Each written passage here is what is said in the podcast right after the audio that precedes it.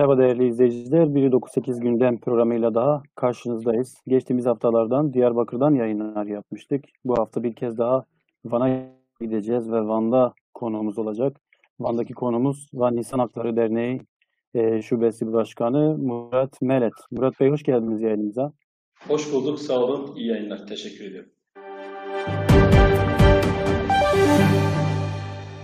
Evet, e, isterdik ki e, iyi bir yayın olsun, iyi konuların konuşulduğu bir yayın olsun ama maalesef ki geçtiğimiz haftalarda olduğu gibi sürekli olarak e, kamuoyunun rahatsız olduğu gündemlerle e, izleyicilerimizin karşısında oluyoruz.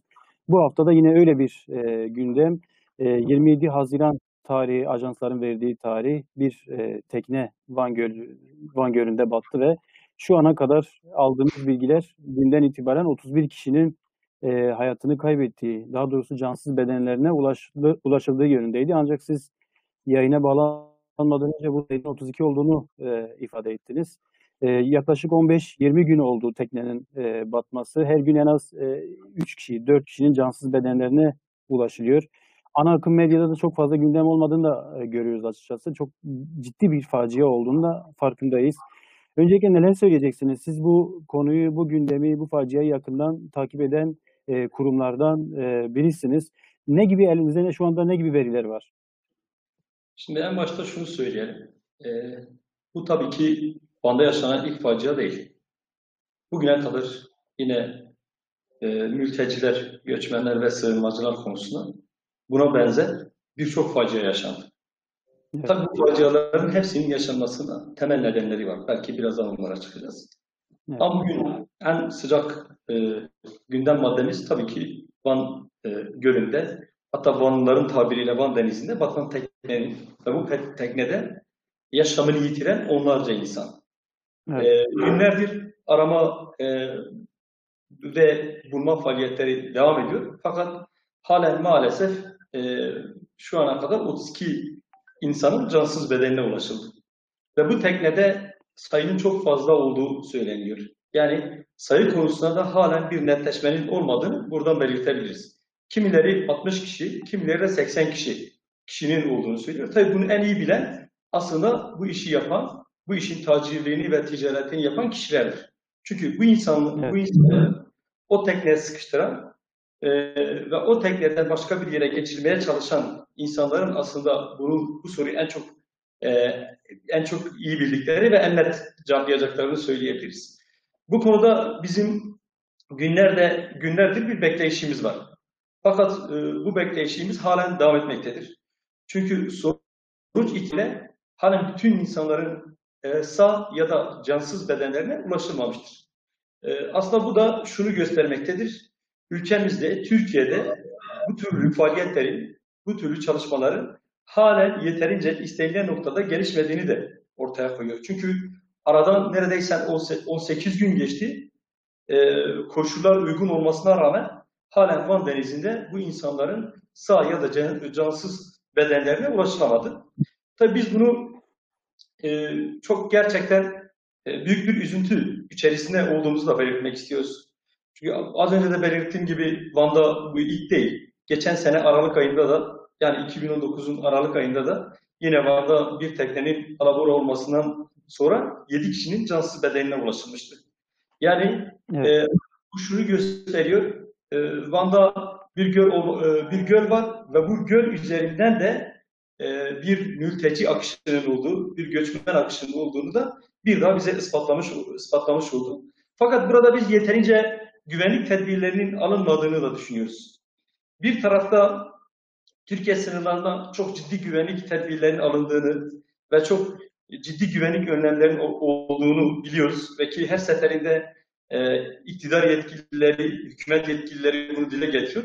Fakat e, bir yerde de bir zafiyatın olduğunu da burada belirtmek istiyoruz. Van Gölü'nün e, Van Gölü üzerinde yapılan bu mülteci akışında aslında bu zafiyet bir şekilde ortaya çıkıyor. Daha önce buna benzer bir tekne yine batmıştı. Fakat bu sefer ikincisiyle karşılaşıyoruz. Bu da şunu gösteriyor. Van'da, Van Gölü üzerinde, Van Gölü kıyısında ciddi bir aslında e, güvenlik zafiyetinin olduğunu ortaya koymaktadır. Tabii Bizim Ee, bu Başkan ediyor. detaylara geçmeden önce şurada bir e, parantez açmak istiyorum. 17-18 gün olduğunu belirttiniz. E, neden o insanlara henüz ulaşılamadı? Ki Van Gölü çok da büyük bir deniz değil aynı şekilde. Hava koşullarından mı, başka şartlardan mı? Siz ne, ne gibi tespit koyuyorsunuz bu noktada? Neden Şimdi bu kadar uzun bir e, süre olmasına rağmen ulaşılamadı?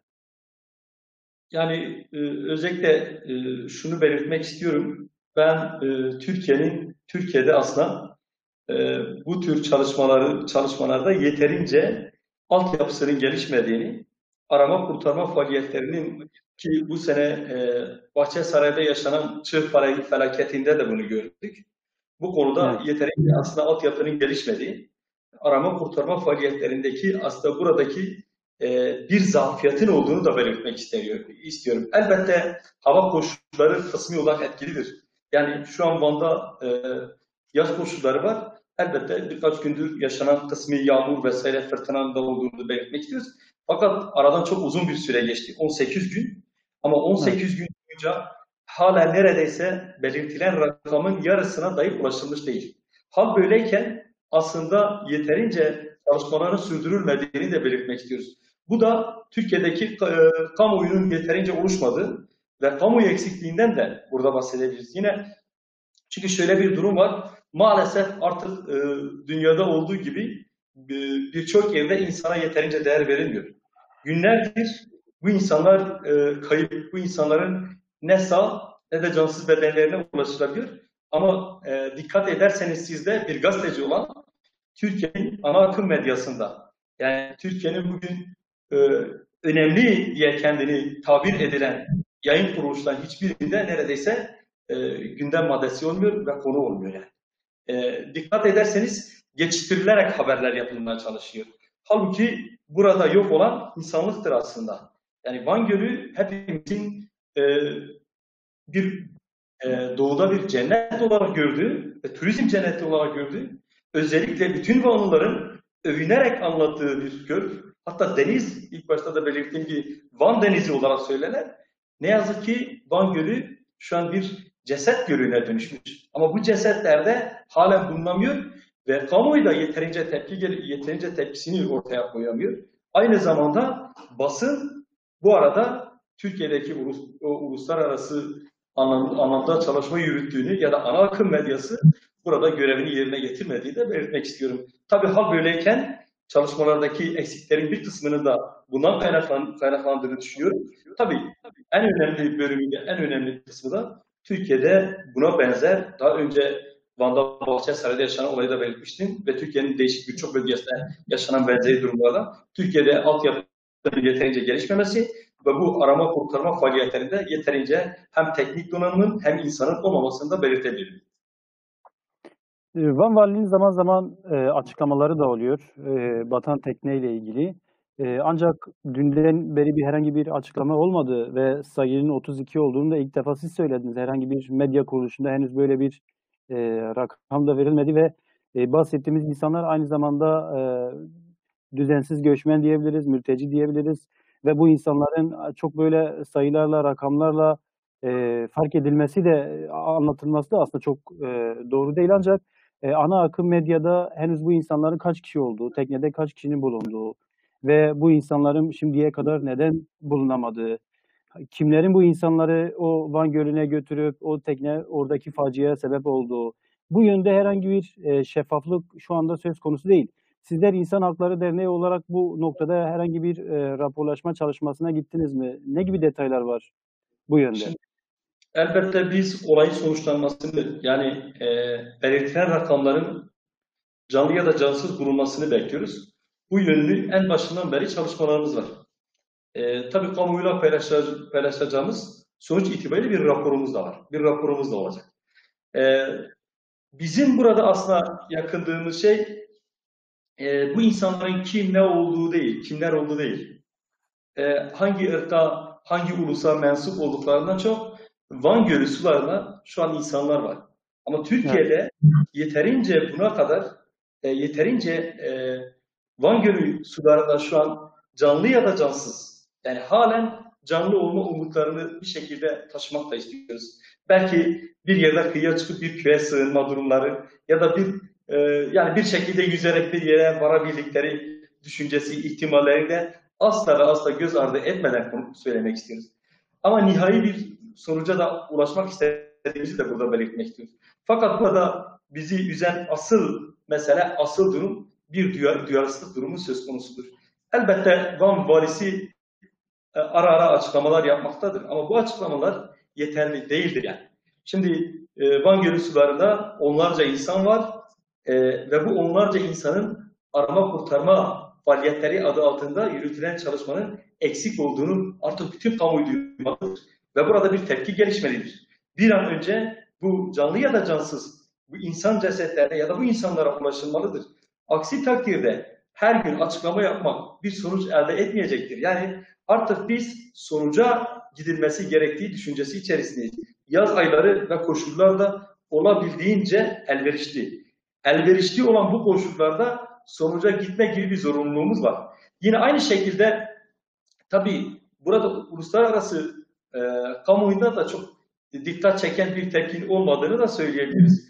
Yani bugün e, bu dünyada bütün herkes Van'da batan bu tekneden aslında haberdardır. Fakat hiç kimsenin bu konuyla ilgili hiçbir devletten doğru düzgün bir açıklamanın yapılmaması da aslında kaygı vericidir.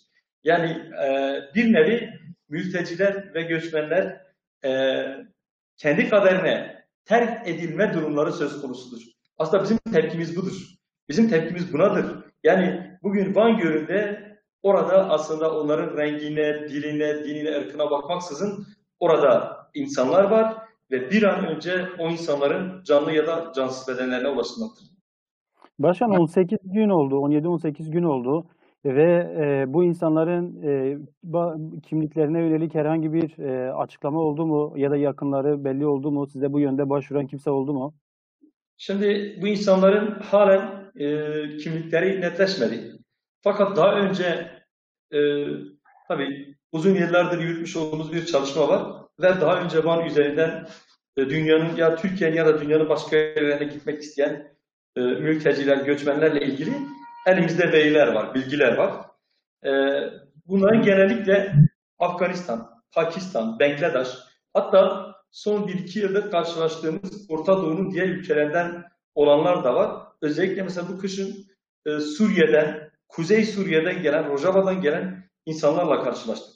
Yine İran'dan, Irak'tan, yani Orta Doğu'nun e, ve Asya'nın belirli kesimlerinden gelen insanlardan oluşuyor. Ama özellikle de Pakistan, Afganistan'da olduklarını söyleyebiliriz. Bu konuyla ilgili de halen e, kimlikleriyle ilgili, bunlar hangi ülkelere ait oldukları ya da bunların kim olduklarına dair elde edilen e, cenazeler üzerinde de bir kimlik tespiti varsa bile ne bize ne de kamuoyuna açıklanan bir durum söz konusu değildir yani.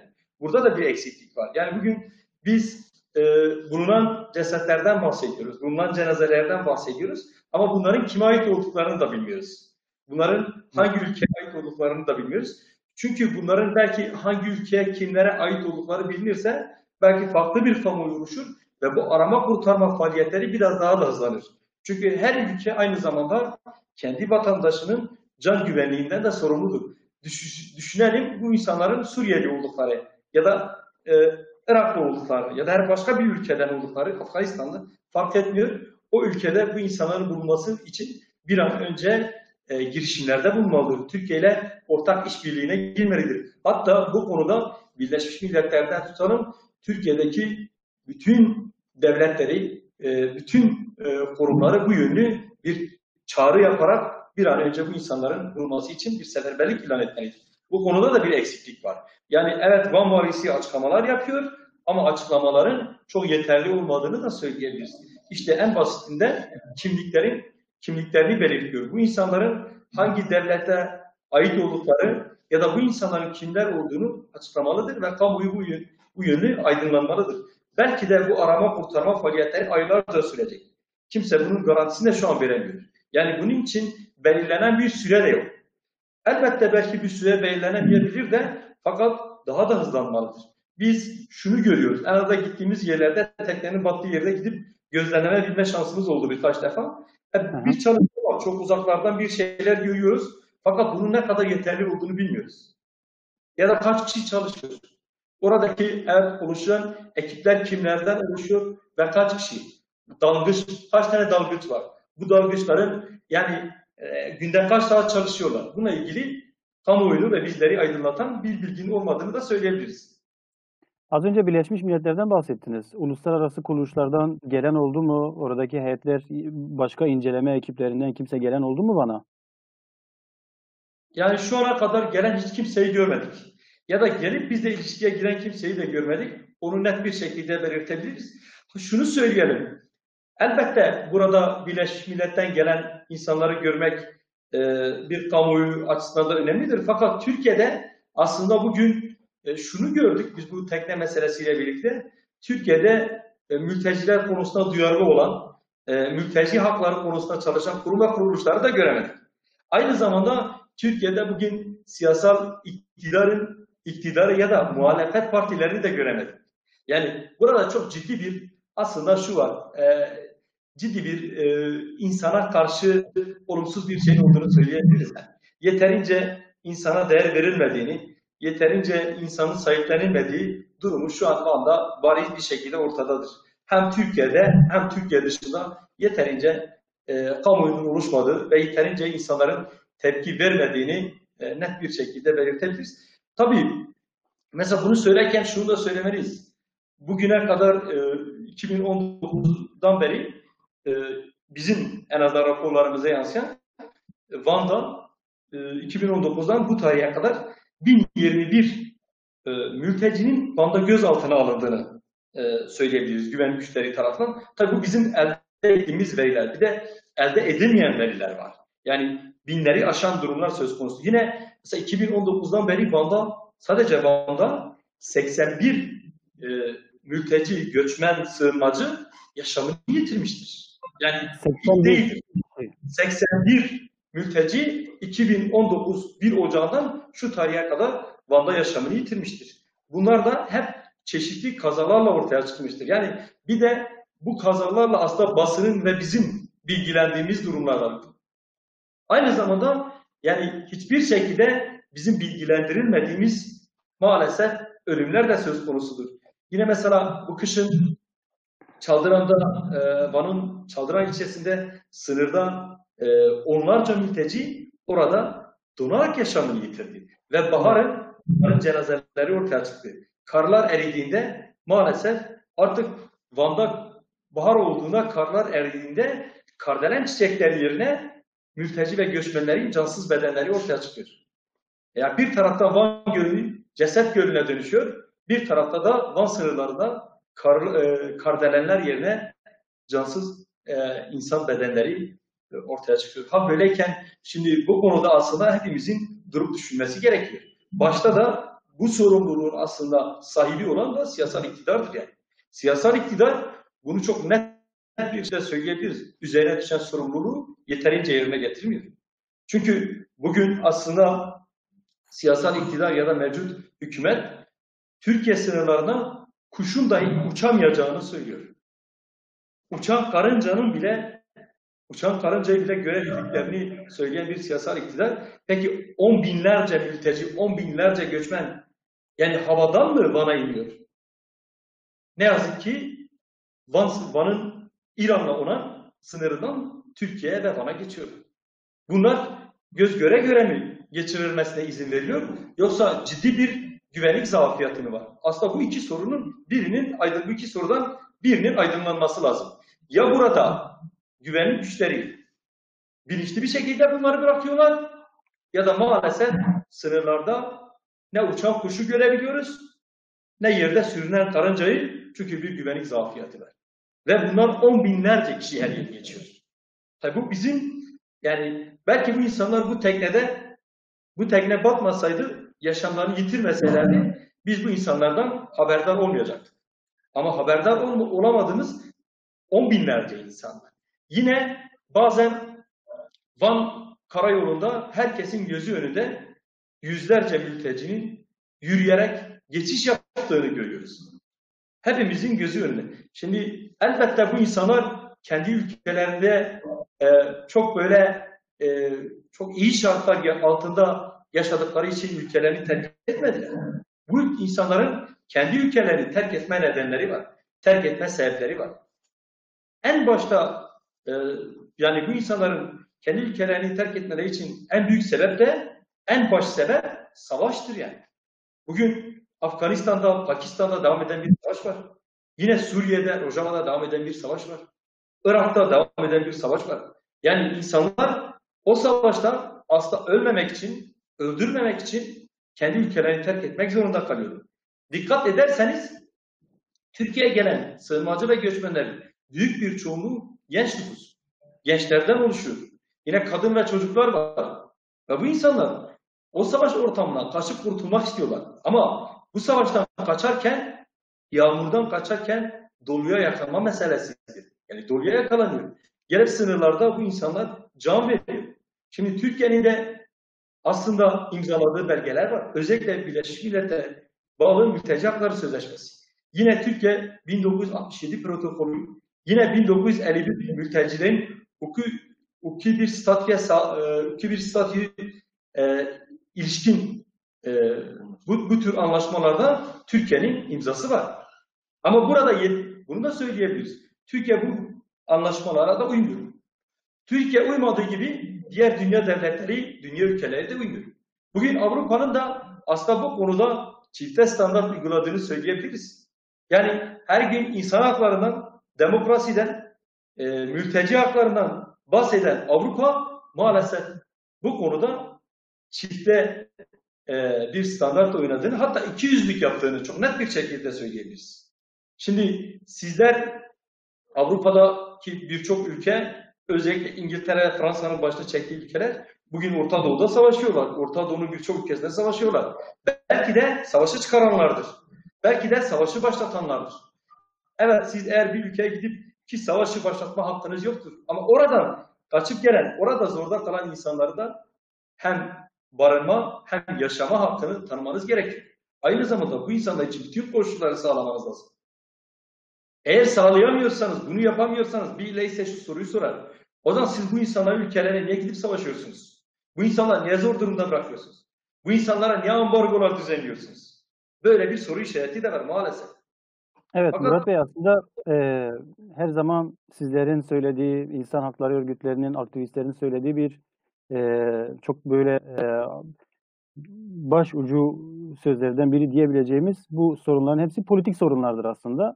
Ve siz de bir kez daha bunun altını e, çizdiniz.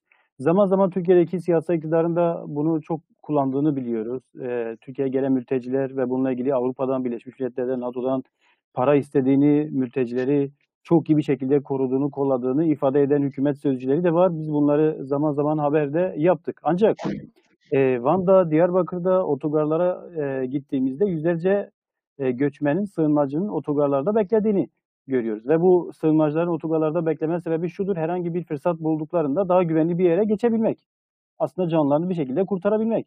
Ve bu insanların da çoğu Van e, sınırından geçerken İran üzerinden ya da başka ülkeler üzerinden Van sınırını geçerken aslında istenildiği takdirde bu insanların çok rahat bir şekilde güvenli bölgelere alınıp bunların can güvenlikleri e, sağlanabilir. Daha önce de buna benzer olaylara şahit olmuştuk. Örneğin İran'dan gelen bazı gazetecilerin iki gün içerisinde Türkiye ve İran istihbaratlarıyla hemen bulunup ya İran'a teslim edildiğini ya Türkiye'de daha işte emniyetlere, istihbarat teşkilatlarına teslim edildiğini biliyoruz. Yani bu insanların bulunması ya da yerlerinin tespit edilmesi çok da zor bir durum değil. Ancak 80 e, sığınmacıdan ya da göçmenden bahsediyoruz. Siz işte az önce söylediğiniz 81 insanın Van'da hayatını kaybettiğini e, söylediniz. Bu aslında ciddi uluslararası bir sorun. Ve bu uluslararası sorunun işte Türkiye'deki siyasi partilerin, ana muhalefet partinin, diğer muhalefet partilerin grup toplantılarına ya da parti sözcülerinin yapmış olduğu açıklamalarda dahi öne çıkmadıklarını, cümlelerinin spotlarında yer almadıklarını görüyoruz. Bunun sebebi nedir? Yani şunu belirtelim. İşte sebebi aslında burada sizin de bahsettiğiniz gibi e, insan odaklı, insan eksenli yaklaşılmamasıdır. Herkes burada kendi politik çerçevesi noktasında yaklaşmasıdır. Aslında burada e, bunu söylerken insanın vicdanı sızlıyor. Çünkü şöyle bir konu var.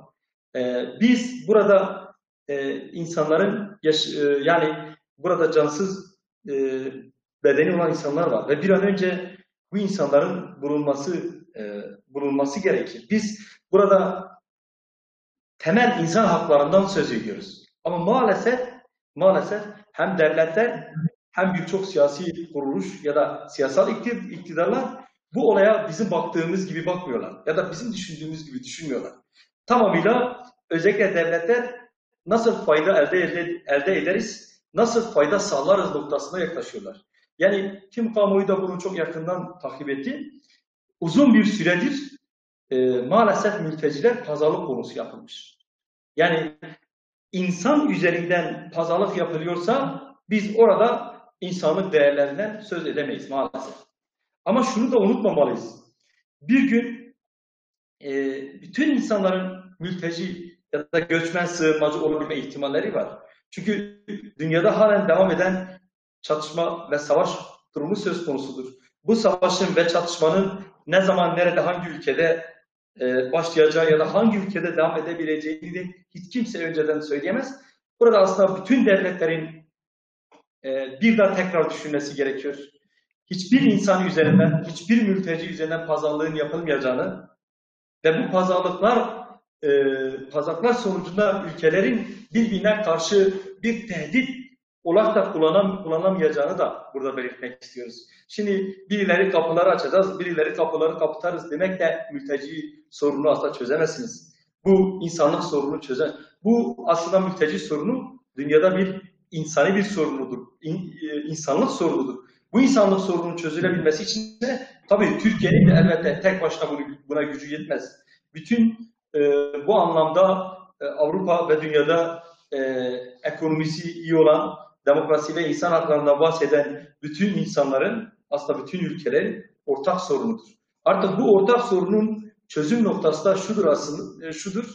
Bahsettiğimiz o pazarlık, pazarlıklardan tutalım, bu e, birbirini tehdit etme noktasına kadar bütün bunları bir tarafa bırakıp tamamıyla e, insani değerler noktasında düşündüm ve yine insanların aslında devletlerin e, imzalamış olduğu e, protokollere, anlaşmalara da bağlı kalmaları gerekiyor.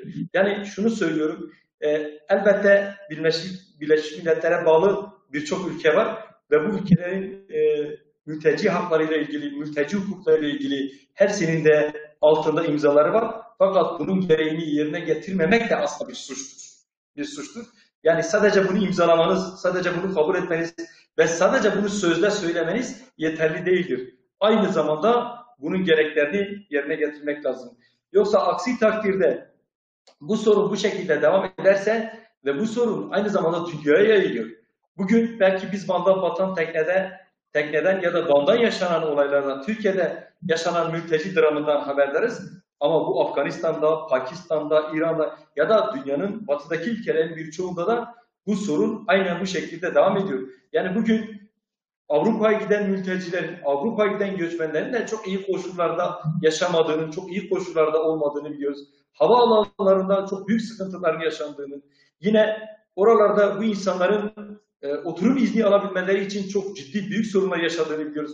Dönem dönem e, hiç beklenmedik zamanlarda geri iadelerin olduğunu biliyoruz. Ve bu geri iadelerde bu insanların gelip çok uzun süre cezaevlerinde kalma ihtimalleri olmasına rağmen geri gönderildikleri, yine bu insanların haklarına yeterince riayet edilmediği ve insanların çok ciddi sorunlar yaşadığını da belirtmek istiyoruz. Bu sorun aslında bütün dünyanın, bütün insanların ortak sorunudur. Bu sorun ortak bir şekilde çözülmelidir. Aksi takdirde Van Gölü'nde tekneler batmaya devam edecek. Van, sınırın, Van sınırında karlar altında aslında donan insanlar değil, vicdanlar olacak ve hem dünyada hem Türkiye'de bu sorun gittikçe kangrenleşecektir. Acilen başta Birleşmiş Milletler olmak üzere bütün devletlerin buna çözüm bulması gerekiyor. Evet, e, Sayın Murat Melet, biz de çağrınıza katılıyoruz ve e, yayınımıza katıldığınız için size teşekkür ediyoruz. Ben teşekkür ediyorum. İyi yayınlar. Sağ olun.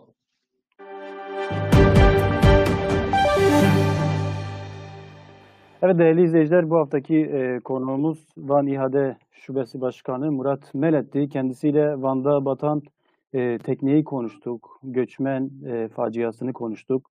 O teknede 80 kişinin olduğu tahmin ediliyor ve şu ana kadar 32 kişinin cansız bedenlerine e, ulaşıldı. Murat Melet'in az önce belirttiği bir ifade vardı. E, umarız dedi birileri yakın köylere gitmiştir ya da canlarını kurtarmışlardır dedi. Biz de aynı temellere katılıyoruz. Umarız kurtulmuşlardır bir şekilde o teknede ve e, hayatlarını cansız bedenlerine ulaşılmadığı sürece biz o insanların sağ olduğu e, şekilde yaklaşıyoruz olaya. Sadece e, Murat Melet'in belirttiği bir diğer önemli altını çizdiği bir ifade vardı. 2019'dan e, bu yana 81 e, göçmenin ya da sığınmacının hayatını kaybettiği yönündeydi ve sadece bu teknede şu anda 81 kişi olduğu belirtiliyor. Umarız bu sayı ikiye e, katlanmaz ve bu göçmenler kurtulur. Sadece bunlar değil, e, bölgede, Türkiye'de, dünyanın birçok yerinde son yıllarda giderek artan bir mülteci ve göçmen e, sorunu var. Binlerce kişinin hayatını kaybettiğini, yerini, yurdunu terk ettiğini e, biliyoruz. E, hem Türkiye'nin hem e, Türkiye'deki bulunan Türkiye'nin komşuları, Orta Doğu ülkeleri ve dünyanın diğer e, ülkelerinin de bu göçmen sorununa, bu mülteci sorununa çok acilen bir e, çözüm bulması gerekiyor. Her şeyden önce Sayın Melet'in de belirttiği gibi savaşların son bulması gerekiyor bu göçmenlerin yerinden, yurdundan edinmemesi için. Umarız e, tekrar göçmenlerin hayatını kaybettiği bir programla karşınızda olmayız ancak e, Sayın Melet'in ve İHA'denin e, hazırladığı bir e, rapor var. Bu raporda bittikten sonra tekrar hem Sayın Melet'i hem bölgede bulunan aktivistleri programa konuk alıp mülteci sorununu 9-8 haber olarak konuşmaya devam edeceğiz. İyi günler.